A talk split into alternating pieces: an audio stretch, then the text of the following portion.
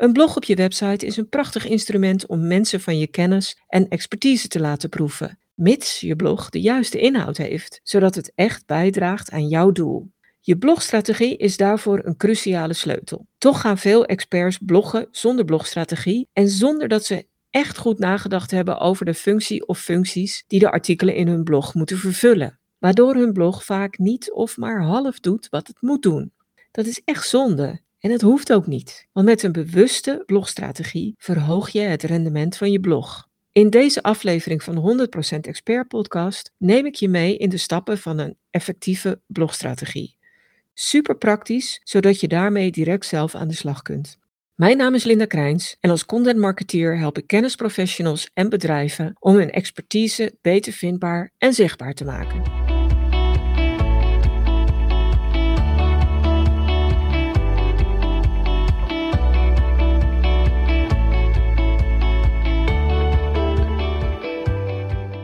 Als je het hebt over effectief bloggen, dan begint dat met een blogstrategie. Maar eigenlijk zit daar nog een stap voor. En dat is dat je bedenkt wat je blog voor jou precies moet doen. Welke functie moet jouw blog vervullen? En ik heb, ik heb eigenlijk altijd vier functies in mijn hoofd als ik met een blogstrategie aan de gang ga. De eerste functie die je zou kunnen kiezen voor je blog is dat het een proeverij moet geven van je kunde.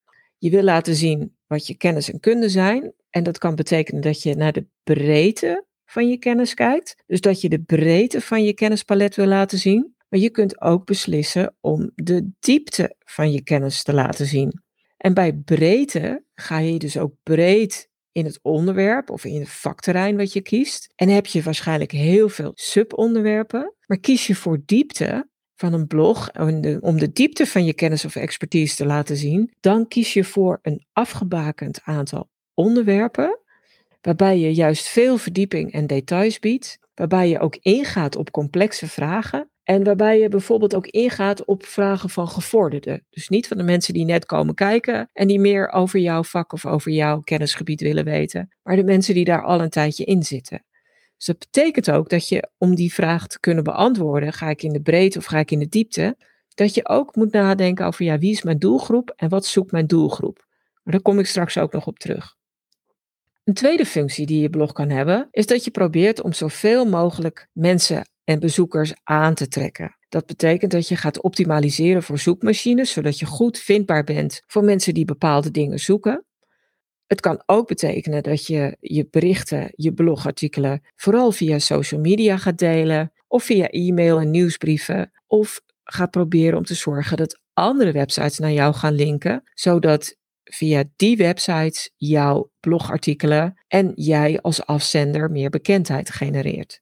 En tenslotte heb je nog de optie om te gaan gastbloggen. Dus wil je bezoekers aantrekken, dan moet je bepaalde dingen goed in je achterhoofd houden.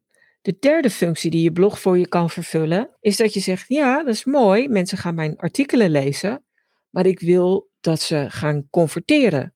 Dat ze iets gaan doen op mijn website, bijvoorbeeld iets downloaden of contact opnemen, of dat ze misschien al iets bij me gaan kopen of me gaan inhuren voor het een of ander. Dat zou betekenen dat je blogartikelen moet maken die mensen aantrekt en hen bedient ook, mensen die een koopintentie hebben. En tenslotte, de vierde functie die een blog voor je zou kunnen hebben, is dat je hem als een after-sales instrument inzet. Dus mensen hebben al iets bij je gekocht en je, die, je gaat die kopers helpen om daar het maximale resultaat uit te halen. Dat zorgt voor tevreden klanten en dat zorgt in principe ook voor mond-tot-mond reclame.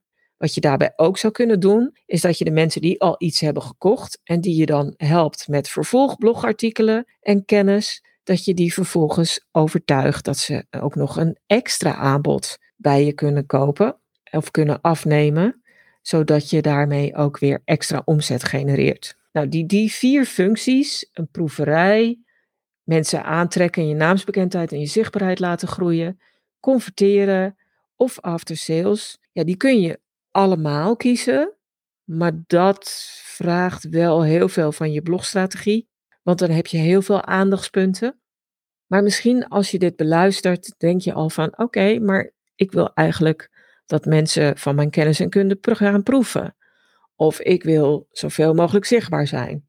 Of ik wil mensen aantrekken die vervolgens ook een actie ondernemen. En dat kan ook een koopactie zijn. Of misschien die after sales. Ik zou ze nooit alle vier als doel nastreven, want dan maak je het voor jezelf en voor je blogstrategie extra lastig. Maar probeer een speerpunt of twee speerpunten te kiezen. Sommige gaan ook heel goed samen. En richt daar ook je blogstrategie op in. Je blogstrategie is eigenlijk de koers die je uitzet van oké, dit is het doel wat ik wil behalen. En op deze manier gaat mijn blog daarin voorzien. En dat betekent dat je een aantal stappen moet bepalen voor jezelf. En in die stappen moet je ook keuzes maken. Dat begint met het primaire doel van je blog. Nou, dat heb ik net behandeld en besproken. Dus ik hoop dat je daar nu een eerste idee van hebt van oké, dit zou het belangrijkste doel van mijn blog moeten zijn. De tweede stap is dat je gaat nadenken over je ideale lezer van je blog. Wie is je doelgroep? Maar ook wat is de intentie van mijn doelgroep op een bepaald moment? En ik kom daar zo meteen nog op terug, maar ik wil eerst een beetje in vogelvlucht de stappen van je blogstrategie schetsen. Het tweede is dat je onderwerpen gaat kiezen en dat je bij die onderwerpen ook de juiste blogformats kiest. Ik licht het zo meteen toe. Wat zijn dan de formats waar je uit kan kiezen? Dan heb je uiteindelijk ook een keuze nodig in de frequentie. Ga je heel vaak, heel veel bloggen of ga je maar af en toe bloggen? Maar het is wel goed om daar een duidelijke frequentie voor te kiezen en je daar ook aan te houden. Als je die onderwerpen, formats en die frequentie hebt, dan kun je een blogkalender maken waarbij je voor jezelf bepaalt wat ga ik in welke tijd van het jaar of van het komend kwartaal of welk tijdvak je ook kiest, wat ga ik maken of laten maken en wie heeft daarin welke verantwoordelijkheid? Het kan zijn dat je alles zelf doet. Het kan zijn dat je iets met een team binnen je organisatie doet. Het kan zijn dat je bepaalde dingen uitbesteedt. Dat zijn aspecten die je uiteindelijk vastlegt in een blogkalender. En ik vind dat echt wel een wezenlijk onderdeel van je blogstrategie. Ook al zou je kunnen zeggen, ja, dat is eigenlijk meer het operationele uitvloeisel van je blogstrategie. Op het moment dat je daar nu al over nadenkt, ga je effectiever met je blogstrategie om en ga je hem ook echt waarmaken. En de laatste stap die je zou moeten zetten in je blogstrategie is dat je al meteen bedenkt hoe zorg je ervoor dat mijn blogs gelezen worden. En dat betekent dat je ook aandacht moet besteden aan blogpromotie binnen je blogstrategie. Dus dat zijn een aantal stappen. En het doel hebben we het over gehad. Ik hoop dat je daar al een keuze uit kunt maken of kunt gaan maken. Maar de tweede stap is dus je ideale lezer. Bij wie wil je dat doel realiseren? Wie is je ideale doelgroep en wie is je ideale lezer? En nou zie je in marketing altijd heel veel terug over persona's. En het lastige bij persona's is dat het heel moeilijk is om het echt goed te doen. Want persona's kunnen ook heel snel fake mensen worden. En in het ergste geval kan het een soort projectie worden, een soort, of misschien zelfs een waanbeeld van wie jouw ideale doelgroep is. En voordat je het weet, ben je toch weer afgedwaald.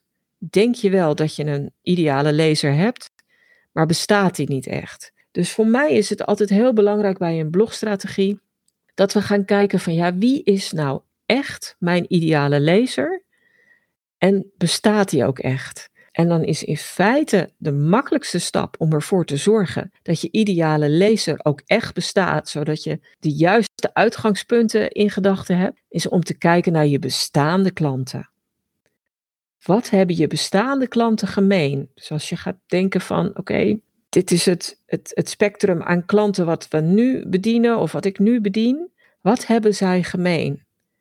En een stap verder is dat je gaat, gaat kijken naar Oké, en wie zie ik nu als mijn fijnste klanten? Want veel ondernemers, veel bedrijven hebben een breed klantenpalet, maar die zijn lang niet allemaal ook echt fijn om mee te werken.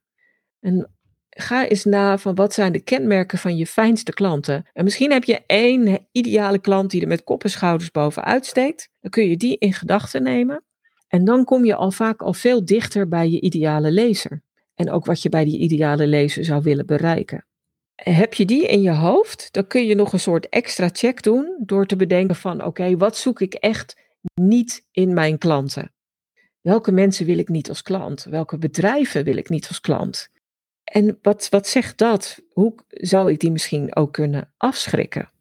Dat gaat ver, dat vinden veel mensen eng, maar soms is het wel heel goed om ook te bedenken van wat zoek ik beslist niet in klanten. En als je hier naar kijkt, naar wat je bestaande klanten gemeen hebben, wat je fijnste klanten kenmerken en welk type klanten je niet wil hebben, dan kom je al veel dichter bij je ideale lezer. En dat gaat echt verder dan zo'n kunstmatig persona plaatje van uh, dit is Truus en die heeft die functie en ze woont daar en ze is zo oud en ze heeft drie kinderen en nou ja, noem maar op. Dat zijn vaak van die fake plaatjes.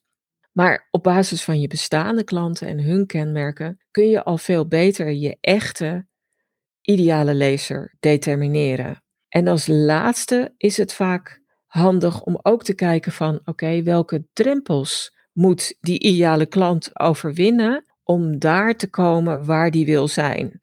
En wat kan mijn rol daarin zijn en welke rol speelt mijn blog, spelen mijn artikelen daarin om die drempels te overwinnen. En dan is het ook vaak dat je gaat kijken, nou oké, met welke intentie gaat iemand ook zometeen mijn artikelen lezen? Is dat een algemene oriëntatie die iemand heeft? Zoekt iemand een snel antwoord op een vrij compacte, afgebakende vraag?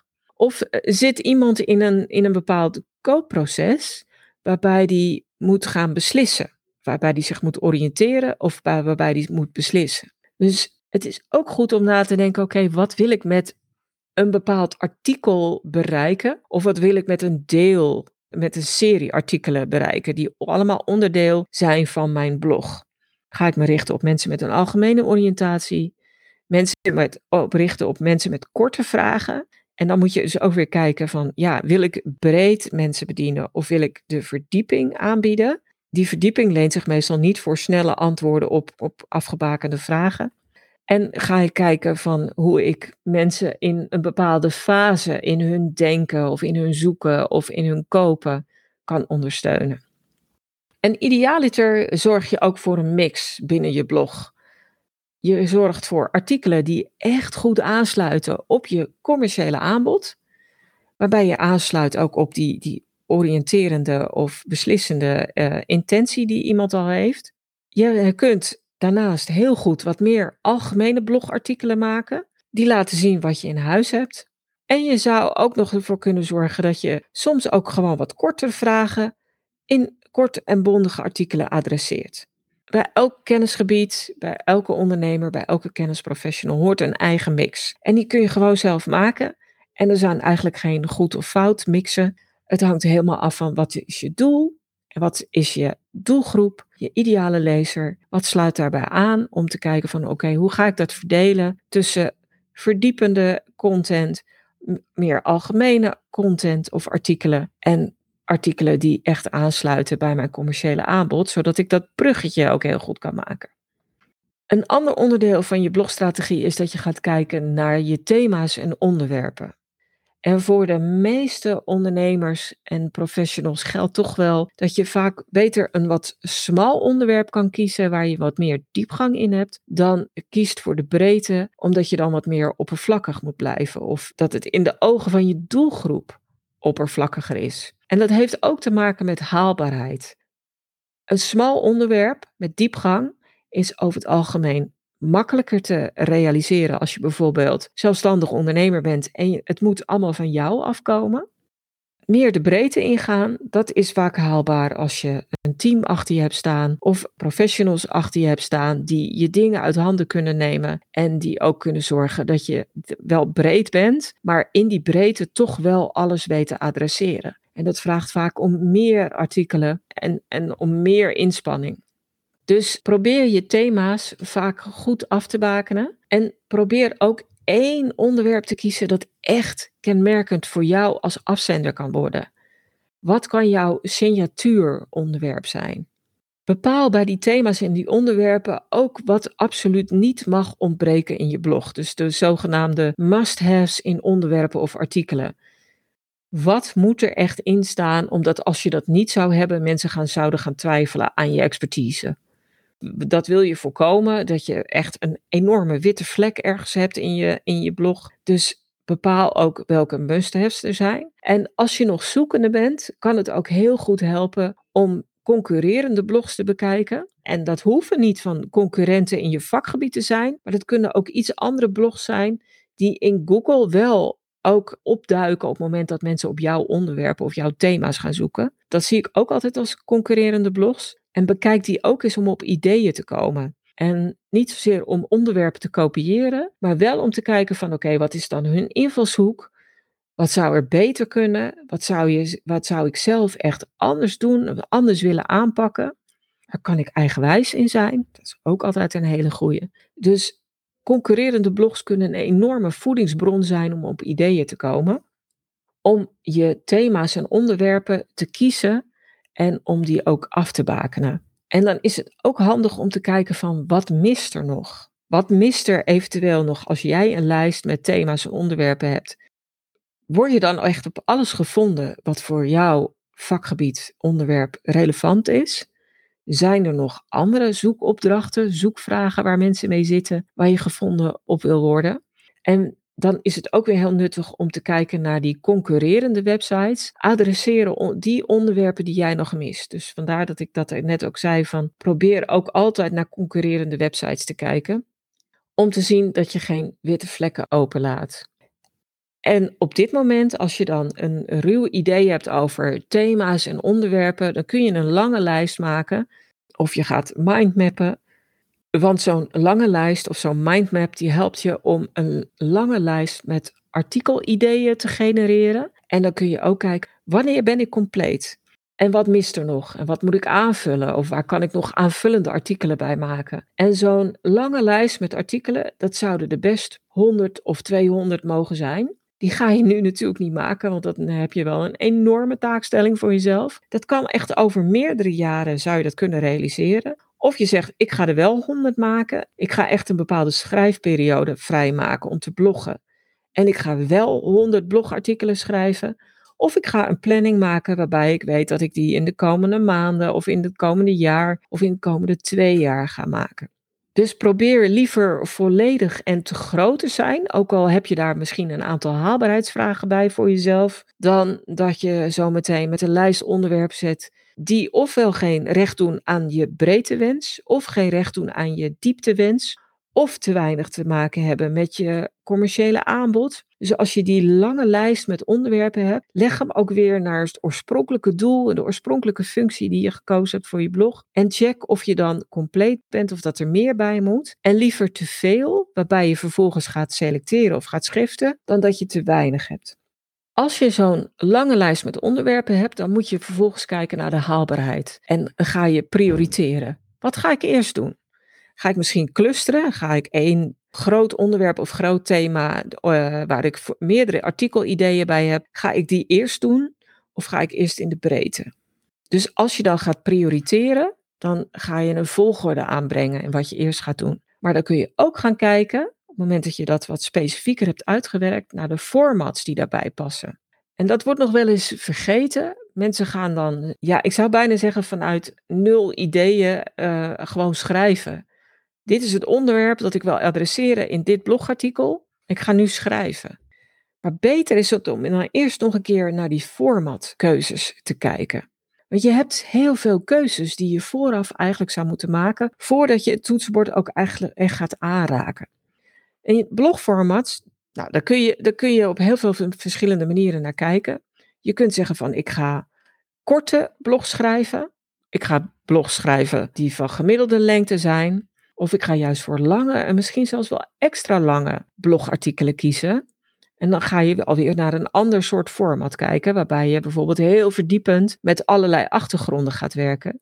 Terwijl je in korte blogs juist ook heel bondig wil zijn. En dat betekent ook iets over je toonzetting en de keuzes die je gaat maken van hoeveel achtergronden, hoeveel onderwerpen haal ik erbij. Je kunt een tekstblog schrijven Waarbij je zegt van nou, dit is mijn inleiding, dit is het doel wat ik ermee heb en dit zijn de onderdelen die ik moet adresseren om tot dat doel te komen. Dat is een tekstblog met een begin, een middenstuk en een eind. Dat is redelijk standaard. Maar waar je ook aan zou kunnen denken is dat je denkt van hé, hey, maar met dit onderwerp ga ik niet voor een gewoon tekstblog kiezen, maar kies ik voor een ander format. Bijvoorbeeld voor een review van iets wat er al is. Dat zou misschien een boek kunnen zijn, of een tool, of een platform, kan van alles zijn. Dus een review of een recensie. Je zou er ook voor kunnen kiezen om iemand te interviewen. Een collega-expert of iemand in een verwant eh, vakgebied of iemand die een fase verder is dan jij, voor wie je bepaalde bewondering hebt of die bepaalde dingen al geadresseerd hebben. Dus je zou ook voor een interview kunnen kiezen. Afhankelijk van het onderwerp wat je gekozen hebt, zou je ook nog kunnen kiezen voor een stappenplan of voor een lijstje artikel. Tien dingen om aan te denken als je puntje, puntje, puntje. En dan kun je ook qua format nog kijken van ja, wat is er gebruikelijk in jouw branche of vakgebied? Is er een bepaald format waar heel veel voor gekozen wordt? En wat vind je daarvan? Valt daar ook inderdaad heel veel voor te zeggen? En is het in jouw ogen ook een heel geschikt format? Of zeg je van hé, hey, maar ik zou er eigenlijk van af willen wijken? En welk voordeel zou zo'n afwijking jou dan kunnen bieden? Kan zijn dat je daardoor juist veel meer onderscheidend bent. En dat is zeker in vakgebieden waar, waar al veel experts uh, zitten. En waarbij je het misschien lastig vindt om je qua inhoud of qua thematiek te onderscheiden. Ja, dan kan een ander formatkeuze je op een andere manier positioneren en toch weer mensen aantrekken die misschien al redelijk wat bij andere experts aan het lezen zijn, maar denken van hé, hey, maar die gast die biedt het net op een andere manier aan. En dat vind ik eigenlijk wel een hele fijne manier om die kennis tot me te nemen. Dus zo kan je format ook een onderscheidend middel zijn. Bijvoorbeeld dat jij altijd reviews plaatst van bepaalde dingen of dat jij juist hele interessante interviews hebt. Dus zo speelt je format ook een rol en zou ik je willen adviseren om niet automatisch voor een tekstblog met een begin, een middenstuk en een eind te kiezen. Als je je doel hebt, je hebt je lezer, je hebt je onderwerpen, je thema's, je hebt je gedachten over formats, dan zou je ook moeten kijken naar de frequentie. En zeker als je een hele lange lijst met onderwerpen hebt waarvan je zegt, joh, dat mist allemaal nog in mijn blog, of ik ben sta aan het begin van een blog op mijn website, ja, dan is het wel heel belangrijk om voor een goede frequentie te kiezen. Een frequentie die voor jou haalbaar is qua uitvoering, een frequentie die aansluit bij je doelgroep. Willen die vaak iets lezen of willen die af en toe iets lezen? Maar ook een frequentie die aansluit bij hoe je zo meteen jouw blogartikelen gaat promoten. Zit je op social media? Hoe vaak plaats je daar dan berichten? Heb je een nieuwsbrief? Hoe vaak verstuur je die dan?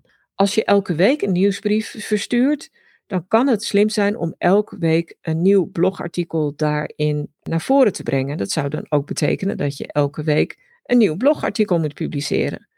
Maar misschien verschijnt je nieuwsbrief elke 14 dagen of elke maand of misschien zelfs wel één keer per kwartaal.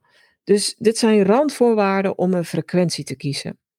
En het belangrijkste wat ik altijd zeg, stel kwaliteit wel boven kwantiteit. Je kunt beter minder blogartikelen publiceren, waar je wel helemaal achter staat en die echt recht doen aan jouw kennis en kunde. Want dat is de basis waarom je met een blogartikel en met een blog op je website aan de gang gaat. Je wil je kennis en kunde etaleren en mensen daarvoor laten proeven. Of via die kennis en kunde mensen aanzetten tot een aanschaf. Dus kwaliteit gaat echt boven kwantiteit. Liever een lagere frequentie van echt supergoeie dingen waar je helemaal achter staat en waarbij je je ook senang voelt om die verder met de wereld te delen, dan kwantiteit waarbij je denkt van oké, ik heb hem wel elke week een blogartikel uitgespuugd. Maar ja, ben ik er nou tevreden over? Ook weer niet helemaal. Dus dat zijn de elementen die je nodig hebt om uiteindelijk tot een blogkalender te komen. En in een blogkalender specificeer je eigenlijk het resultaat van je blogstrategie wat doe je wanneer? Waarom je de dingen doet, die heb je net al helemaal bedacht en uitgewerkt. Maar wat doe je wanneer? Wat is een logische volgorde? Hoe linken die artikelen onderling naar elkaar? Ik zei het eerder al, ga je met een cluster aan de gang, waarbij je bijvoorbeeld drie, vier of vijf artikelen schrijft die allemaal binnen één thema of binnen één onderwerp passen. Maar wat je ook kunt doen, en dat heeft ook weer met die haalbaarheid en die frequentie te maken, als je al blogartikelen hebt staan, betrek die dan ook in je blogkalender en bekijk welke bestaande artikelen intussen wat verouderd zijn of toe zijn aan een update, of misschien ook gewoon nog steeds hartstikke goed zijn. Maar zeker als je um, blogartikelen nodig hebt voor je contentkalender, waarbij je inhoud wil delen op social media, of waarbij je inhoud nodig hebt voor je nieuwsbrief, dan kun je ook heel goed een, een mix maken van bestaande blogartikelen en nieuwe artikelen. En dat laat je tot z'n recht komen in het blogkalender. Want daarin neem je ook op van, we gaan in die week, ga ik of gaan wij een bestaand artikel een update geven. Ga kijken of de bronnen nog goed zijn, of er nieuwe onderzoeksdata zijn, of er nieuwe inzichten zijn. Uh, misschien zijn er dingen die benoemd zijn die, die niet meer bestaan of die niet meer relevant zijn. En in de week erop ga ik een nieuw blogartikel plaatsen. Het komt eigenlijk allemaal samen ook in je blogkalender. En die moet ervoor gaan zorgen dat jij het gewenste resultaat van je blogstrategie ook echt gaat realiseren. Dus dat doe je met die thema's, met je onderwerpen. Dat doe je met je formats. En dat doe je met artikelen die inspelen op verschillende intenties. Dus van algemene oriënterende vragen tot een koopintentie. Tot zover je blogstrategie. En ik zal bij de show notes ook aangeven welke artikelen je nog verder kunnen helpen om ook echt tot een goede blogstrategie te komen. Want op mijn website stroop.nl staat ook een uitgebreid artikel met die stappen van een blogstrategie met nog wat meer inhoud en achtergronden. Dankjewel voor het luisteren. Heb je nu een handige tip of inzicht opgedaan, dan wil ik je vragen om een review achter te laten. Of deel de podcast met iemand anders voor wie het interessant is. En wil je meer weten? Op mijn website vind je een gratis kennisbank met checklists, tools, video's en stappenplannen over content, content marketing, maar vooral over het zichtbaar en vindbaar maken van je expertise. En in de Content Academie vind je bovendien tal van online masterclasses en trainingen die je helpen om je expertpositie verder te versterken. Kijk daarvoor eens op stroop.nl en stroop is met dubbel S.